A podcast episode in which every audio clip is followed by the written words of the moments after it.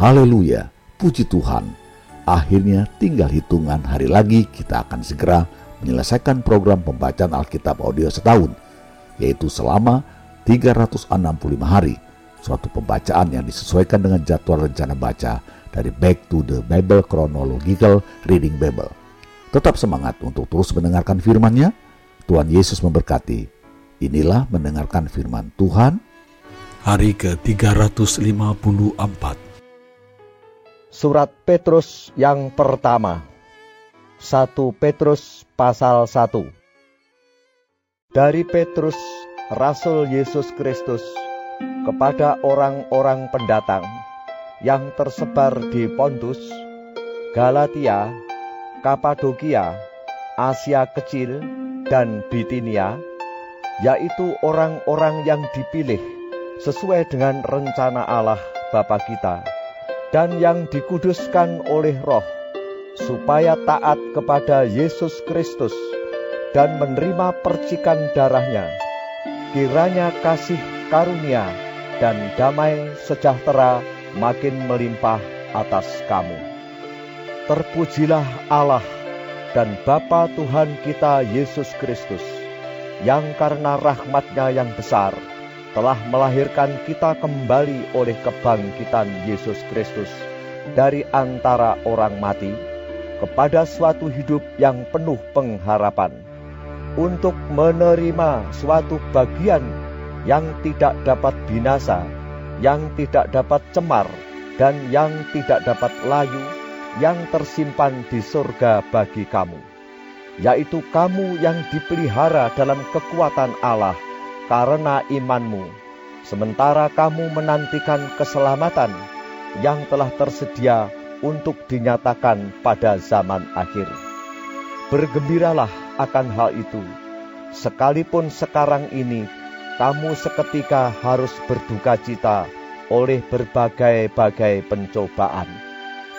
Maksud semuanya itu ialah untuk membuktikan kemurnian imanmu yang jauh lebih tinggi nilainya daripada emas yang fana, yang diuji kemurniannya dengan api, sehingga kamu memperoleh puji-pujian dan kemuliaan dan kehormatan pada hari Yesus Kristus menyatakan dirinya.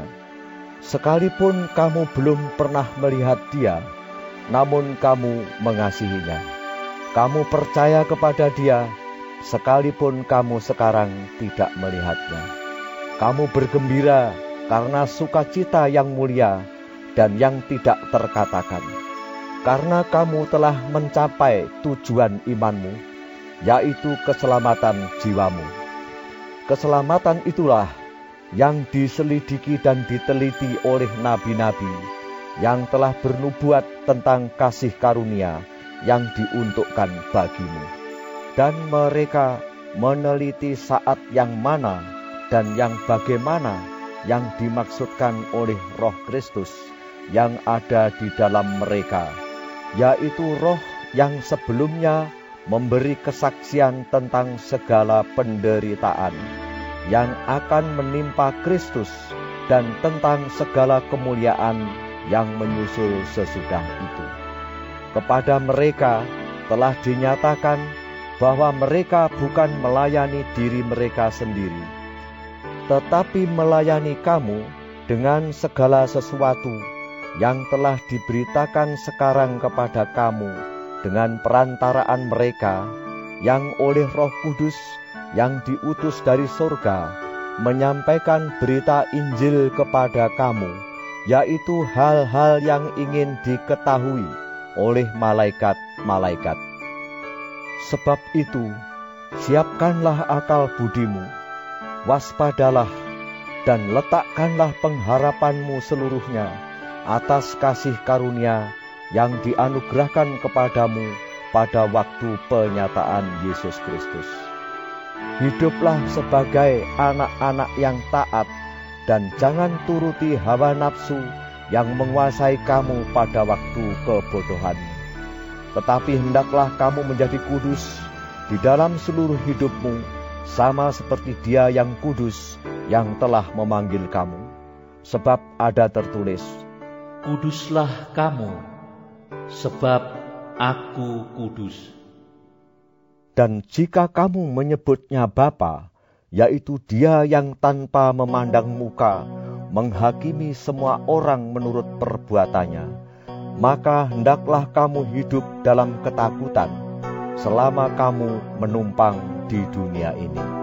Sebab kamu tahu bahwa kamu telah ditebus dari cara hidupmu yang sia-sia, yang kamu warisi dari nenek moyangmu itu, bukan dengan barang yang fana, bukan pula dengan perak atau emas, melainkan dengan darah yang mahal, yaitu darah Kristus yang sama seperti darah anak domba yang tak bernoda dan tak bercacat.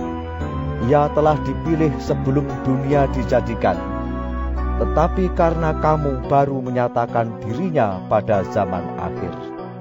Oleh dialah kamu percaya kepada Allah, yang telah membangkitkan dia dari antara orang mati, dan yang telah memuliakannya, sehingga imanmu dan pengharapanmu tertuju kepada Allah. Karena kamu telah menyucikan dirimu oleh ketaatan kepada kebenaran, sehingga kamu dapat mengamalkan kasih persaudaraan yang tulus ikhlas. Hendaklah kamu bersungguh-sungguh saling mengasihi dengan segenap hatimu. Karena kamu telah dilahirkan kembali, bukan dari benih yang fana, tetapi dari benih yang tidak fana, oleh firman Allah yang hidup dan yang kekal. Sebab semua yang hidup adalah seperti rumput, dan segala kemuliaannya seperti bunga rumput. Rumput menjadi kering, dan bunga gugur. Tetapi firman Tuhan tetap untuk selama-lamanya. Inilah firman yang disampaikan Injil kepada kamu. 1 Petrus pasal 2 Karena itu, buanglah segala kejahatan, segala tipu muslihat dan segala macam kemunafikan, kedengkian dan fitnah. Dan jadilah sama seperti bayi yang baru lahir, yang selalu ingin akan air susu yang murni dan yang rohani, supaya olehnya kamu bertumbuh dan beroleh keselamatan jika kamu benar-benar telah mengecap kebaikan Tuhan. Dan datanglah kepadanya batu yang hidup itu, yang memang dibuang oleh manusia, tetapi yang dipilih dan dihormat di hadirat Allah. Dan biarlah kamu juga dipergunakan sebagai batu hidup untuk pembangunan suatu rumah rohani, bagi suatu imamat kudus untuk mempersembahkan persembahan rohani yang karena Yesus Kristus berkenan kepada Allah. Sebab ada tertulis dalam kitab suci. Sesungguhnya aku meletakkan di Sion sebuah batu yang terpilih. Sebuah batu penjuru yang mahal. Dan siapa yang percaya kepadanya tidak akan dipermalukan. Karena itu bagi kamu yang percaya, ia mahal. Tetapi bagi mereka yang tidak percaya, batu yang telah dibuang oleh tukang-tukang bangunan telah menjadi batu penjuru, juga telah menjadi batu sentuhan dan suatu batu sandungan. Mereka tersandung padanya karena mereka tidak taat kepada firman Allah dan untuk itu mereka juga telah disediakan. Tetapi kamulah bangsa yang terpilih, imamat yang rajani, bangsa yang kudus, umat kepunyaan Allah sendiri, supaya kamu memberitakan perbuatan-perbuatan yang besar dari Dia, yang telah memanggil kamu keluar dari kegelapan kepada terangnya yang ajaib. Kamu yang dahulu bukan umat Allah, tetapi yang sekarang telah menjadi umatnya, yang dahulu tidak dikasihani, tetapi yang sekarang telah beroleh belas kasihan. Saudara-saudaraku yang kekasih, aku menasihati kamu, supaya sebagai pendatang dan perantau, kamu menjauhkan diri dari keinginan-keinginan daging yang berjuang melawan jiwa.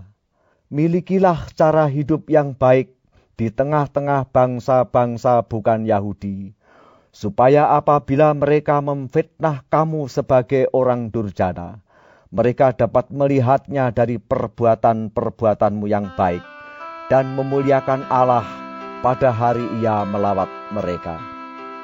Tunduklah karena Allah kepada semua lembaga manusia, baik kepada raja sebagai pemegang kekuasaan yang tertinggi, maupun kepada wali-wali yang diutusnya untuk menghukum orang-orang yang berbuat jahat dan menghormati orang-orang yang berbuat baik.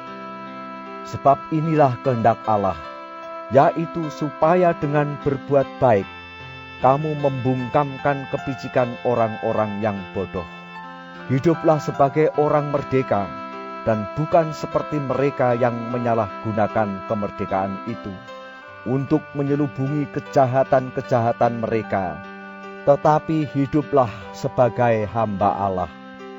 Hormatilah semua orang, kasihilah saudara-saudaramu, takutlah akan Allah, hormatilah Raja.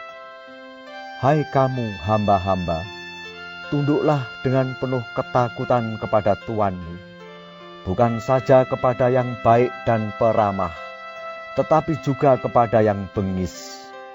Sebab adalah kasih karunia jika seorang karena sadar akan kehendak Allah, menanggung penderitaan yang tidak harus ia tanggung. Sebab dapatkah disebut pujian jika kamu menderita pukulan karena kamu berbuat dosa? Tetapi jika kamu berbuat baik dan karena itu kamu harus menderita, maka itu adalah kasih karunia pada Allah. Sebab untuk itulah kamu dipanggil, karena Kristus pun telah menderita untuk kamu dan telah meninggalkan teladan bagimu, supaya kamu mengikuti jejaknya. Ia tidak berbuat dosa, dan tipu tidak ada dalam mulutnya. Ketika ia dicaci maki, ia tidak membalas dengan mencaci maki. Ketika ia menderita, ia tidak mengancam, tetapi ia menyerahkannya kepada Dia yang menghakimi dengan adil. Ia sendiri telah memikul dosa kita di dalam tubuhnya di kayu salib, supaya kita yang telah mati terhadap dosa hidup untuk kebenaran. Oleh bilur-bilurnya kamu telah sembuh. Sebab dahulu kamu sesat seperti domba, tetapi sekarang kamu telah kembali kepada gembala dan pemelihara jiwamu. 1 Petrus pasal 3 Demikian juga kamu, hai istri-istri, tunduklah kepada suamimu, supaya jika ada di antara mereka yang tidak taat kepada firman, mereka juga tanpa perkataan dimenangkan oleh kelakuan istrinya. Jika mereka melihat bagaimana murni dan salehnya hidup istri mereka itu.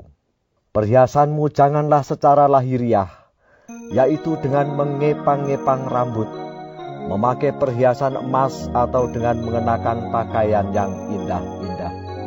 Tetapi perhiasanmu ialah manusia batiniah yang tersembunyi dengan perhiasan yang tidak binasa, yang berasal dari roh yang lemah lembut dan tentram, yang sangat berharga di mata Allah.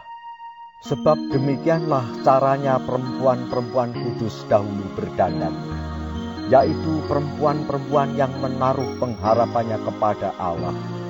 Mereka tunduk kepada suaminya, sama seperti Sarah taat kepada Abraham dan menamai dia tuannya. Dan kamu adalah anak-anaknya jika kamu berbuat baik dan tidak takut akan ancaman. Demikian juga kamu, hai suami-suami. Hiduplah bijaksana dengan istrimu, sebagai kaum yang lebih lemah. Hormatilah mereka sebagai teman pewaris dari kasih karunia, yaitu kehidupan, supaya doamu jangan terhalang. Dan akhirnya, hendaklah kamu semua seia sekata, seperasaan, mengasihi saudara-saudara, penyayang dan rendah hati, dan janganlah membalas kejahatan dengan kejahatan, atau caci maki dengan caci maki, tetapi sebaliknya, hendaklah kamu memberkati, karena untuk itulah kamu dipanggil, yaitu untuk memperoleh berkat. Sebab siapa yang mau mencintai hidup dan mau melihat hari-hari baik, ia harus menjaga lidahnya terhadap yang jahat dan bibirnya terhadap ucapan-ucapan yang menipu. Ia harus menjauhi yang jahat dan melakukan yang baik. Ia harus mencari perdamaian dan berusaha mendapatkannya. Sebab mata Tuhan tertuju kepada orang-orang benar dan telinganya kepada permohonan mereka yang minta tolong. Tetapi wajah Tuhan menentang orang-orang yang berbuat jahat. Dan siapakah yang akan berbuat jahat terhadap kamu jika kamu rajin berbuat baik? Tetapi sekalipun kamu harus menderita juga karena kebenaran, kamu akan berbahagia. Sebab itu janganlah kamu takuti apa yang mereka takuti dan janganlah gentar. Tetapi kuduskanlah Kristus di dalam hatimu sebagai Tuhan dan siap sedialah pada segala waktu untuk memberi pertanggungan jawab kepada tiap-tiap orang yang meminta pertanggungan jawab dari kamu tentang pengharapan yang ada padamu. Tetapi haruslah dengan lemah lembut dan hormat dan dengan hati nurani yang murni, supaya mereka yang memfitnah kamu karena hidupmu yang saleh dalam Kristus menjadi malu karena fitnahan mereka itu. Sebab lebih baik menderita karena berbuat baik jika hal itu dikehendaki Allah daripada menderita karena berbuat jahat. Sebab juga Kristus telah mati sekali untuk segala dosa kita ia yang benar untuk orang-orang yang tidak benar, supaya ia membawa kita kepada Allah. Ia yang telah dibunuh dalam keadaannya sebagai manusia, tetapi yang telah dibangkitkan menurut roh. Dan di dalam roh itu juga, ia pergi memberitakan Injil kepada roh-roh yang di dalam penjara, yaitu kepada roh-roh mereka yang dahulu, pada waktu Nuh tidak taat kepada Allah, ketika Allah tetap menanti dengan sabar waktu Nuh sedang mempersiapkan bahteranya, di mana hanya sedikit, yaitu delapan orang yang diselamatkan oleh air bah itu. Juga kamu sekarang diselamatkan oleh biasanya, yaitu baptisan. Maksudnya bukan untuk membersihkan kenajisan jasmani, melainkan untuk memohonkan hati nurani yang baik kepada Allah oleh kebangkitan Yesus Kristus yang duduk di sebelah kanan Allah setelah ia naik ke surga sesudah segala malaikat, kuasa dan kekuatan ditaklukkan kepadanya. 1 Petrus pasal 4 Jadi, karena Kristus telah menderita penderitaan badani, kamu pun harus juga mempersenjatai dirimu dengan pikiran yang demikian. Karena barang siapa telah menderita penderitaan badani, ia telah berhenti berbuat dosa. Supaya waktu yang sisa jangan kamu pergunakan menurut keinginan manusia, tetapi menurut kehendak Allah. Sebab telah cukup banyak waktu kamu pergunakan untuk melakukan kehendak orang-orang yang tidak mengenal Allah kamu telah hidup dalam rupa-rupa hawa nafsu, keinginan, kemabukan, pesta pora, perjamuan minum, dan penyembahan berhala yang terlarang. Sebab itu mereka heran bahwa kamu tidak turut mencemplungkan diri bersama-sama mereka di dalam kubangan ketidaksenonohan yang sama, dan mereka memfitnah kamu. Tetapi mereka harus memberi pertanggungan jawab kepada Dia yang telah siap sedia menghakimi orang yang hidup dan yang mati. Itulah sebabnya, maka Injil telah diberitakan juga kepada orang-orang mati, supaya mereka, sama seperti semua manusia, dihakimi secara badani, tetapi oleh roh dapat hidup menurut kehendak Allah. Kesudahan segala sesuatu sudah dekat. Karena itu, kuasailah dirimu dan jadilah tenang, supaya kamu dapat berdoa. Tetapi yang terutama, kasihilah sungguh-sungguh seorang akan yang lain, sebab kasih menutupi banyak sekali dosa. Berilah tumpangan seorang akan yang lain dengan tidak bersungut-sungut. Layanilah seorang akan yang lain sesuai dengan karunia yang telah diperoleh tiap-tiap orang sebagai pengurus yang baik dari kasih karunia Allah. Jika ada orang yang berbicara, baiklah ia berbicara sebagai orang yang menyampaikan firman Allah. Jika ada orang yang melayani, baiklah ia melakukannya dengan kekuatan yang dianugerahkan Allah, supaya Allah dimuliakan dalam segala sesuatu karena Yesus Kristus. Ialah yang empunya kemuliaan dan kuasa sampai selama-lamanya. Amin. Saudara-saudara yang kekasih, janganlah kamu heran akan nyala api siksaan yang datang kepadamu sebagai ujian, seolah-olah ada sesuatu yang luar biasa terjadi atas kamu. Sebaliknya, bersukacitalah sesuai dengan bagian yang kamu dapat dalam penderitaan Kristus, supaya kamu juga boleh bergembira dan bersukacita pada waktu Ia menyatakan kemuliaannya. Berbahagialah kamu jika kamu dinista karena nama Kristus, sebab roh kemuliaan, yaitu roh Allah, ada padamu. Janganlah ada di antara kamu yang harus menderita sebagai pembunuh, atau pencuri, atau penjahat, atau pengacam. Tetapi, jika ia menderita sebagai orang Kristen, maka janganlah ia malu melainkan hendaklah ia memuliakan Allah dalam nama Kristus itu. Karena sekarang telah tiba saatnya penghakiman dimulai, dan pada rumah Allah sendiri yang harus pertama-tama dihakimi. Dan jika penghakiman itu dimulai pada kita, bagaimanakah kesudahannya dengan mereka yang tidak percaya pada Injil Allah? Dan jika orang benar hampir-hampir tidak diselamatkan, apakah yang akan terjadi dengan orang fasik dan orang berdosa? Karena itu, baiklah juga mereka yang harus menderita karena kehendak Allah, menyerahkan jiwanya dengan selalu berbuat baik kepada Pencipta yang setia.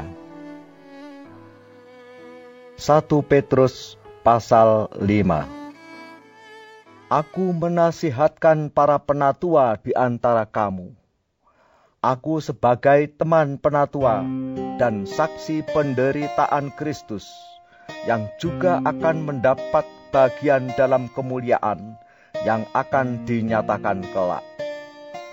Gembalakanlah kawanan domba Allah yang ada padamu.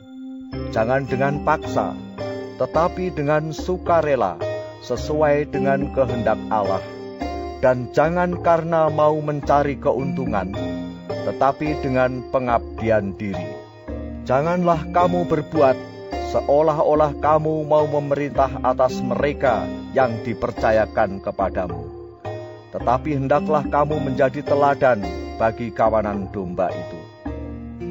Maka kamu, apabila gembala agung datang, kamu akan menerima mahkota kemuliaan yang tidak dapat layu. Demikian jugalah kamu, hai orang-orang muda. Tunduklah kepada orang-orang yang tua. Dan kamu semua, rendahkanlah dirimu seorang terhadap yang lain. Sebab Allah menentang orang yang congkak, tetapi mengasihani orang yang rendah hati.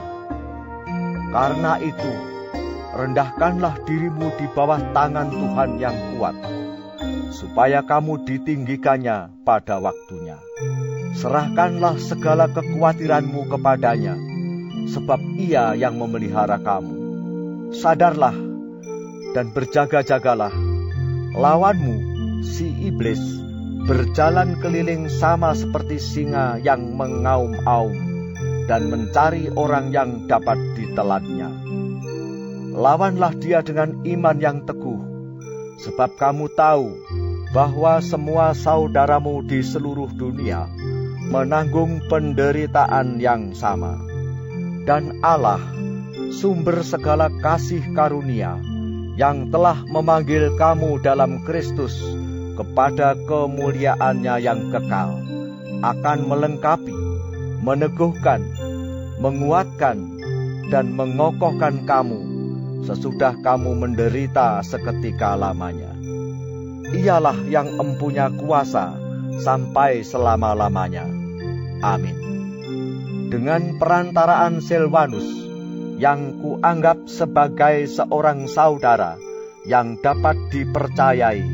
Aku menulis dengan singkat kepada kamu untuk menasehati dan meyakinkan kamu bahwa ini adalah kasih karunia yang benar-benar dari Allah. Berdirilah dengan teguh di dalamnya. Salam kepada kamu sekalian dari kawanmu yang terpilih yang di Babylon dan juga dari Markus anakku. Berilah salam seorang kepada yang lain dengan cium yang kudus. Damai sejahtera menyertai kamu sekalian yang berada dalam Kristus. Amin. Tetap semangat untuk terus mendengarkan firman-Nya. Tinggal beberapa waktu lagi kita akan segera menyelesaikannya. Sampai jumpa esok hari. Tuhan Yesus memberkati.